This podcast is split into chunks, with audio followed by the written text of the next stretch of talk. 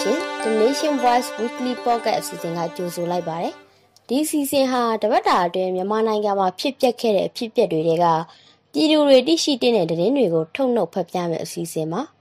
ဒီသတင်းတွေကိုသတင်းမီဒီယာဒီတီကဖော်ပြခဲ့ကြတာဖြစ်ပြီး The Nation Voice ဝိုင်းတော်သားတွေကစူးစီးတင်ဆက်ပေးထားတာဖြစ်ပါတယ်ပထမဆုံးကိုဗစ်ရောဂါနဲ့ပတ်သက်တဲ့သတင်းတွေနဲ့စတင်ကြပါမယ် အေယာဝတီတိုင်းတွင်းက stay home သတ်မှတ်ထားတဲ့မြို့တွေဖြစ်တဲ့ပသိမ်တာပေါင်းနဲ့မြောင်းမြမြို့နယ်တွေကအခြေခံပညာစာသင်ကျောင်းတွေကိုဇူလိုင်လ9ရက်နေ့ကစပြီးပိတ်လိုက်ပါပြီ။စာသင်ကျောင်းတွေမှာကိုဗစ်ကူးစက်နှုန်းမြင့်တက်နေချိန်ဆက်လက်ဖွင့်ထားခဲ့တာကြောင့်ပြည်သူတွေရဲ့ဝေဖန်မှုရှိခဲ့ပြီးယောဂကူးစက်မှုအခြေအနေပုံမဆိုးဝါးလာချိန်မှာအခုလိုပိတ်လိုက်တာဖြစ်ပါတယ်။အလားတူပဲတောင်ပေါ်ဒေသတွေဖြစ်တဲ့ပြင်းဦးလင်နဲ့နောင်ချိုကအခြေခံပညာစာသင်ကျောင်းတွေကိုလည်းဇူလိုင်လ9ရက်နေ့ကစပြီးပိတ်လိုက်ပါပြီ။ဒီမြို့နယ်တွေကလည်းကိုဗစ်ရောဂါကြောင့် stay home သတ်မှတ်ခံထားရတာပါ။ တာချီလိမ့်မြို့မှာဇူလိုင်လ6ရက်နေ့အထိကိုဗစ်တည်ပြုလူနာ148ဦးရှိလာပြီဖြစ်တဲ့အတွက်မြို့ပေါ်နဲ့ရက်ကွက်တွေကစီပင်ဈေးတွေပုဂ္ဂလိကဈေးတွေအားလုံးဇူလိုင်လ20ရက်နေ့အထိနှစ်ပတ်ကြာပိတ်ရမယ်လို့တာချီလိမ့်စီပင်ကအရေးပေါ်တီးပေးလိုက်ပါတယ်။ဈေးပိတ်ထားပေမဲ့နေ့စဉ်စားတုံးကုန်တွေဖြစ်ဟင်းနီးဟင်းရွက်နဲ့တာငါးပြန်ကြဈေးတွေကိုတော့မနက်ဈေးဖွင့်ချိန်ကနေနေ့လယ်7:00နာရီလောက်ထိရောင်းချခွင့်ပြုထားပါတယ်။စားတော့ဆိုင်တွေကိုလည်းပါဆယ်စနစ်နဲ့ရောင်းချဖို့အတိပေးထားပြီး ညာဈေးတွေနဲ့ပတ်သက်လို့တော့ဒီချညွှန်ကြားတာမျိုးမတွေ့ရသေးပါဘူးတခါမန္တလေးမြို့ကဘာကတာတပိတ်ကောင်းဆောင်ကိုမြတ်သူဖမ်းခိုင်းရတဲ့အကြောင်းပြောပြခြင်းပါတယ်ပုံမှန်905ကာကြီးနဲ့အမှုဖွင့်ခံထားရပြီးဖမ်းဝရမ်းထုတ်ခံထားရတဲ့ကိုမြတ်သူဟာဇူလိုင်လ4ရက်နေ့နေ့လယ်ပိုင်းမန္တလေးမြို့ကနေအိမ်တစ်ခုမှာတင်းရှောင်နေချိန်စစ်ကောင်စီဘက်ကအင်အားအလုံးရင်းနဲ့လာရောက်ဖမ်းခေါ်သွားတာပါသူ့ကိုဘယ်ကိုခေါ်သွားတယ်ဆိုတာအခုထိမသိရသေးတယ်လို့မိသားစုနဲ့လည်းအဆက်အသွယ်မရသေးပါဘူးနောက်ထပ်သတင်းတစ်ပုဒ်ကတော့စိတ်မကောင်းစရာသတင်းတစ်ပုဒ်ပါ စကိုင်းတိုင်းဒီပဲရင်မြို့နယ်ထဲမှာဇူလိုင်လ2ရက်နေ့ကဖြစ်ပွားခဲ့တဲ့တိုက်ပွဲကြောင့်ဒီပဲရင်ပြည်သူ့ကာကွယ်ရေးတပ်ဖွဲ့ PF ဘက်ကအယောက်30ကျော်ကြာဆုံးခဲ့ရတာပါဒီပဲရင်မြို့နယ်စစ်ပြချင်းကျေးရွာကိုဇူလိုင်လ2ရက်နေ့ကစစ်ကောင်စီတပ်ဖွဲ့ဝင်တွေဝင်ရောက်လာလို့ဒေသခံတွေတင်းရှောင်တဲ့အခါမှာစစ်ကောင်စီဘက်ကလက်နက်ကြီးတွေနဲ့ပစ်ခတ်ခဲ့ပါတယ်။ဒါကြောင့် PDF အဖွဲ့ကပြန်လည်ခုခံတိုက်ခိုက်ရင်းနဲ့ကြာဆုံးခဲ့ရတာပါ။အဲ့ဒီတိုက်ပွဲမှာစစ်ကောင်စီဘက်ကလက်နက်ကြီးအချက်40ကျော်ပစ်ခတ်ခဲ့တယ်လို့ ဒီပဲရင် PDF ကထုတ်ပြန်ထားပါတယ်။နောက်ထပ်တိုက်ပွဲသတင်းတစ်ပုဒ်ကတော့ရှမ်းပြည်နယ်မြောက်ပိုင်းမုံကိုမြို့အနီးမှာကိုကန့်လက်နက်ကိုင်အဖွဲ့ MNDAA နဲ့စစ်ကောင်စီတပ်တို့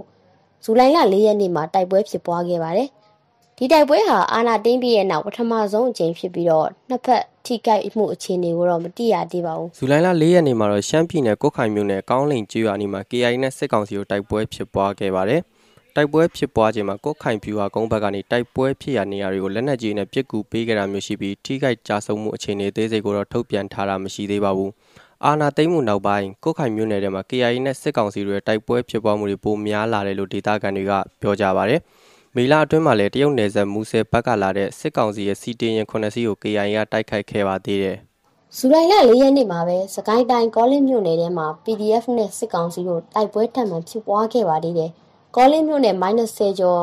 ရွှေဘုံမြကြီးနားလမ်းပေါ်ကကုတ်ကုတ်ကုန်းရွာအနီးမှာစစ်ကောင်စီရင်တန်းကို PDF ကတိုက်ခိုက်ခဲ့တာပါဒီတိုက်ပွဲမှာစစ်ကောင်စီဘက်က20ကျော်တင်ဆုံးပြီး PDF ဘက်ကအကြဆုံးရှိတယ်ဆိုပေမဲ့အတိအကျမသိရသေးပါဘူးဒီတိုက်ပွဲဟာဇူလိုင်လ2ရက်နေ့ကကောလင်းမြို့နယ်တစ္ဆိန်ကုန်းရွာမှာဖြစ်ခဲ့တဲ့တိုက်ပွဲရဲ့နောက်ဆက်တွဲလည်းဖြစ်ပါတယ်ကောလင်းမြို့နယ်ထဲမှာတိုက်ပွဲတွေဖြစ်ပွားခဲ့ပြီးတဲ့နောက်ဇူလိုင်လ6ရက်နေ့မှာတော့ကောလင်းကထွေအုပ်ဝန်ထမ်းတွေကနှုတ်ထွက်လာကြပါတယ်မြို့နယ်ထွေအုပ်ဒုတိယဦးစီးမှုအပါအဝင် ကြေးရွာဆရာထက်မနေ့ကအုပ်ချုပ်ရေးမှုတွေကသူတို့ရဲ့သဘောဆန္ဒအရတာဝန်ကနှုတ်ထွက်ခွင့်ပြုဖို့မျိုးနယ်ထွေးကိုစာတင်ပြတဲ့အကြောင်းလူမှုကွန်ရက်မှာပြန့်နှံ့နေပြီးနှုတ်ထွက်ခွင့်ရမရတော့မသိရသေးပါဘူးစစ်ကောင်စီကဒီဘဲရင်ပြည်သူတွေကိုတပ်ဖြတ်တဲ့ကိစ္စနဲ့ပတ်သက်ပြီးပြည်သူတွေကိုအကူအညီပေးဖို့ NUG ပြည်ထောင်စုဝန်ကြီးချုပ်မန်ဝင်းခိုင်တန်းကတိုက်တွန်းပါတယ် NUG ရဲ့အစည်းအဝေးမှာပြောဆိုတာဖြစ်ပြီးထွက်ပြေးတင်းရှောင်နေရတဲ့ပြည်သူ3000ကျော်အတွက်လည်းစိတ်ပူပန်ရတယ်လို့ဝန်ကြီးချုပ်ကဆိုပါတယ်။ ဇူလိုင်လ2ရက်နေ့ကဒီပဲရင်မြို့နယ်မှာဖြစ်ပွားခဲ့တဲ့တိုက်ပွဲကြောင့် PDF အဖွဲ့ဝင်30ကျော်ကြာဆုံးပြီး90ကျော်ဒဏ်ရာရရှိခဲ့တာပါကရင်အမျိုးသားစီယုံ KNU လက်အောက်ကကရင်အမျိုးသားကာကွယ်ရေးတပ်ဖွဲ့ KNDO ဦးစီးချုပ်ဘုံမှုချုပ်စောနယ်သားများနဲ့ဗိုလ်ကြီးစောပါဝါတို့ကိုဇူလိုင်လ10ရက်နေ့ကတာဝန်ကနေယာယီရဆိုင်းလိုက်ပါတယ်။မေလ30ရက်နေ့ကမြဝတီခရိုင်ဝေါ်လီမြို့နယ်ထဲမှာတရားတီစောက်ရေးလုပ်ငန်းဝင်ကအလုတ္တမ48ဦးကို KNDO ကဖမ်းဆီးခဲ့ပြီးတဲ့နောက် 22ဦးကိုပြန်လွှတ်ပေးပြီး25ဦးကိုအစုလိုက်ပြုံးလိုက်တပ်ဖြတ်ခဲ့တယ်လို့စစ်ကောင်စီကတပ်ပုံနေနဲ့တကွထုတ်ပြန်ခဲ့ပါတယ်။လမ်းလုံတားရောင်ဆောင်တဲ့စစ်ကောင်စီတပ်ဖွဲ့ဝင်တွေလို့ KNDO ဘက်ကတုံ့ပြန်ထားပြီး KNDO ရဲ့စစ်ဆေးစုံစမ်းမှုတွေပြုလုပ်ပြီးတဲ့နောက်အခုလို KNDO ထိပ်ပိုင်းကောင်းဆောင်တစ်ယောက်ကိုယာရုကယာယီရဆိုင်လိုက်တာဖြစ်ပါတယ်။ချင်းပြည်သူကာကွယ်ရေးဗဟိုတပ် CDF ဟာကလေးကဘောဂန်ကောဒေတာအတွင်းမှာရှိတဲ့တော်လိုင်းရဲဘော်တွေနဲ့ဆွေးနွေးမှုတွေပြုလုပ်ပြီးတဲ့နောက် CDF KKG ကိုဇူလိုင်လ၁ရက်နေ့မှာဖွဲ့စည်းနိုင်ခဲ့ပါတယ်။ဖွဲ့စည်းပြီးတဲ့နောက်မှာတော့ချင်းမျိုးသားတပ်ဦး CNF ချင်းမျိုးသားတပ်မတော် CAN တို့ရဲ့လမ်းညွှန်ကိုကဲမှုတွေကိုခံယူပြီးအမျိုးသားညီညွတ်ရေးအစိုးရ NUG ကဖွဲ့စည်းထားတဲ့ပြည်သူ့ကာကွယ်ရေးတပ်မတော် PDF နဲ့ပူးပေါင်းပြီးတော့စစ်ကောင်စီကိုခုခံတိုက်ခိုက်သွားမယ်လို့ဇူလိုင်လ9ရက်နေ့ညပိုင်းကထုတ်ပြန်လိုက်ပါတယ်။အေဗီလာ19ရက်နေ့တုန်းကရန်ကုန်မြို့ရွှေတောင်ကျောင်းမှာရှိတဲ့မြန်မာနိုင်ငံဆိုင်ရာဂျပန်တန်မတ်တွေနေထိုင်တဲ့အိမ်ယာကို စစ်ကောင်စီတပ်ဖွဲ့ဝင်တွေကဝင်ရောက်စီးနင်းခဲ့တယ်လို့ဂျပန်သတင်းစာအစာဟိကဇူလိုင်လ၄ရက်နေ့ကဖော်ပြခဲ့ပါတယ်။အိမ်ယာဝန်ထမ်းတွေကစီးနင်းရှာဖွေခြင်းမပြုဖို့နဲ့ CCTV မှတ်တမ်းတွေဖွင့်ပြမယ်လို့ဆိုပေမဲ့တနက်နဲ့ချိန်ရိုက်နှက်ပြီးအခန်းတွေကိုဝင်ရှာခဲ့တယ်လို့ဆိုပါတယ်။ဒါဟာတန်တမန်ဆက်ဆံရေးဆိုင်ရာအကာအကွယ်ပေးထားတဲ့ BNN တဘောတူညီချက်ကိုချိုးဖောက်ထားခြင်းဖြစ်တယ်လို့ဂျပန်နိုင်ငံဂျားရေးဝန်ကြီးဌာနကပြောဆိုထားပါတယ်။ အမျိုးသားညီညွတ်ရေးဆိုရ NUG ဟာပြည်သူတွေကိုကာကွယ်စောင့်ရှောက်ဖို့တာဝန်ရှိတဲ့တရားဝင်ပြည်သူအစိုးရဖြစ်တာနဲ့အညီနိုင်ငံအနှံ့ပေါ်ပေါက်နေတဲ့လူငယ်အစုအဖွဲ့တွေရဲ့ခုခံစစ်လှုပ်ရှားမှုတွေကိုစနစ်တကျဖြစ်အောင်ရည်ရွယ်ပြီးတော့ပြည်သူ့ကာကွယ်ရေးတပ်မတော် PDF ကိုထူထောင်နေရလို့ NUG ကာကွယ်ရေးဝန်ကြီးဦးရီမွန်ကပြောပါတယ်။ပြည်သူ့ကာကွယ်ရေးတပ်မတော်တောင်ပိုင်းတိုင်းစစ်ဌာနချုပ်စစ်တပ်နံအပတ်စဉ်9တင်းတန်းစင်ပွဲကိုတဝန်လာပေးပို့ရမှာပြောဆိုခဲ့တာပါ တရားမဝင်အာဏာသိမ်းစစ်အုပ်စုရဲ့လူမဆန်တဲ့အကြမ်းဖက်ညှဉ်းပန်းနှိပ်စက်တပ်ဖြတ်မှုတွေကြောင့်မြန်မာပြည်သူတွေဟာမိမိကိုယ်ကိုခုခံကာကွယ်ပိုင်ခွင့်ကိုဥပဒေနဲ့ညီကျင့်သုံးလာရတယ်လို့လည်းကာကွယ်ရေးဝန်ကြီးကပြောပါတယ်တော်လန်ရင်မှာပြည်သူ့ဘက်ကဆုံးရှုံးဝင်နေဆုံးဖြစ်အောင်လုပ်ရမယ်လို့မြို့သားညီညွတ်ရေးအစိုးရ NUG ရဲ့ယာယီသမရဒူဝါလက်ရှိလာကပြောဆိုပါတယ်။ဆီယနာတိမ်မှုကြောင့်တနိုင်ငံလုံးပြည်ဒုက္ခနဲ့ရင်ဆိုင်နေကြရပြီးငါးလတာကာလအတွင်းစိတ်ပိုင်းဆိုင်ရာရုပ်ပိုင်းဆိုင်ရာအထောက်ပံ့များပေးနိုင်ရေးကအရေးကြီးတဲ့လုပ်ငန်းတာဝန်ဖြစ်တယ်လို့လည်း ယာယီတမရကဆိုပါတယ်။ပြည်သူတွေဘက်ကလိုအပ်တဲ့အကူအညီတွေပံ့ပိုးမှုတွေဆောင်ရွက်ဖို့ကြိုးစားကြမယ်လို့ယုံကြည်တယ်လို့လည်းယာယီတမရကပြောခဲ့ပါသေးတယ်။ COVID-19 ရောဂါဖြစ်ပွားမှုအပေါ်စိတ်ကောင်စီကနိုင်ငံရဲ့အမျက်ထုတ်နေပြီးပြည်သူတွေအပေါ်စေတနာမထားဘူးလို့ NUG ယာယီတမရဒူဝါလက်ရှိလာကပြောလိုက်ပါတယ်။ဒါကြောင့်ယောဂဖြစ်ပွားမှုအရှိန်မြင့်လာတယ်လို့လည်းယာယီတမရကဆိုပါတယ် ပြည်သူ့ကျန်းမာရေးဟာ NUG အစိုးရရဲ့အလေးထားဆုံးထိဆုံးကအချက်ဖြစ်တယ်လို့လည်းသူကပြောပါတယ်။ပဲခူးတိုင်းနောက်ကျန်ပြည်မျိုးနယ်မုတ်တော်ရွာနီကရန်ကုန်ပြည်မီးရထားလမ်းကိုဇူလိုင်လ9ရက်ညနေပိုင်းမှာဘုံခွဲဖျက်ဆီးခံခဲ့ရပါတယ်။အဲ့ဒီနေရာဟာတရေခက်တရခေတ်ကရှေးဟောင်းလက်ရာတွေရှိတဲ့ရှေးဟောင်းနယ်မြေလည်းဖြစ်ပါတယ်။ဘယ်အဖွဲ့အစည်းကဒီလိုလှုပ်ဆောင်နေဆိုတာမသိရသေးပါဘူး။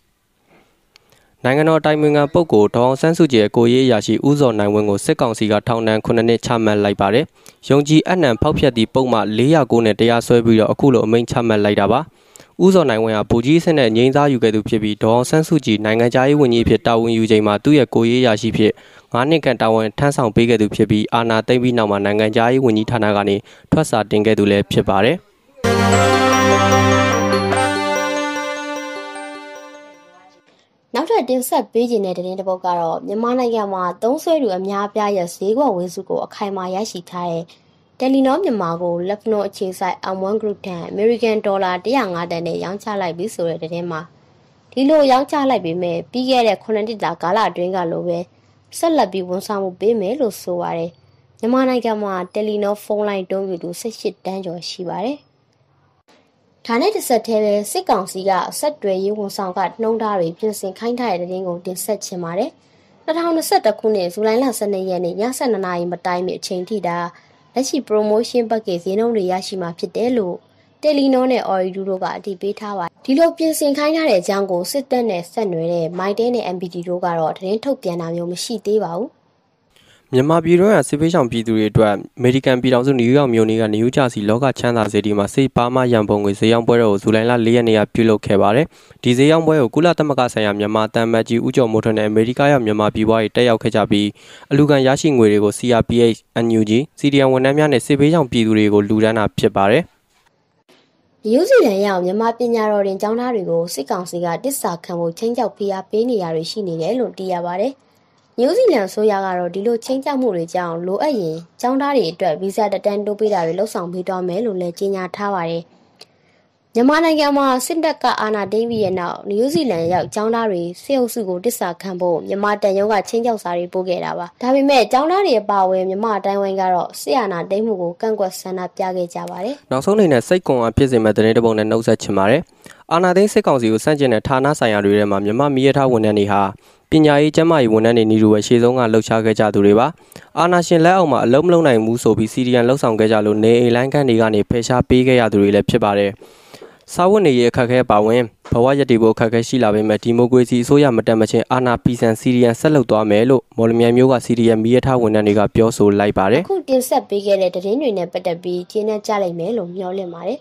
ကျမတို့ The Nation Voice သတင်းဌာနဟာပြည်သူတွေအတွက်နေ့စဉ်ည7:00နာရီအချိန်တိုင်းမှာနားဆင်နိုင်မဲ့ တရက်တာထူးခြားတဲ့သတင်းများ Daily Podcast စနေနေ့တိုင်းမှာနားဆင်နိုင်မဲ့တပတ်အတွင်းထူးခြားတဲ့သတင်းများ Weekly Podcast တွေကိုပုံမှန်တင်ဆက်ပေးနေတဲ့အပြင်တခြားတော့ကောင်းလို့ရရအစီအစဉ်တွေကိုပုံမှန်တင်ဆက်ပေးနေပါတယ်မိဘပြည်သူများအားလုံးကျန်းမာချမ်းသာဘေးရဝေးကွာပြီးအောင်မြင်မှုပန်းနိုင်ကိုအများဆုံးရှောက်လန်းနိုင်ကြပါစေလို့ကျမတို့ The Nation Voice ဝိုင်းတော်သားများကဆုတောင်းပေးလိုက်ပါတယ်နားဆင်ပေးကြတဲ့အတွက်ကျေးဇူးတင်ပါတယ်ရှင်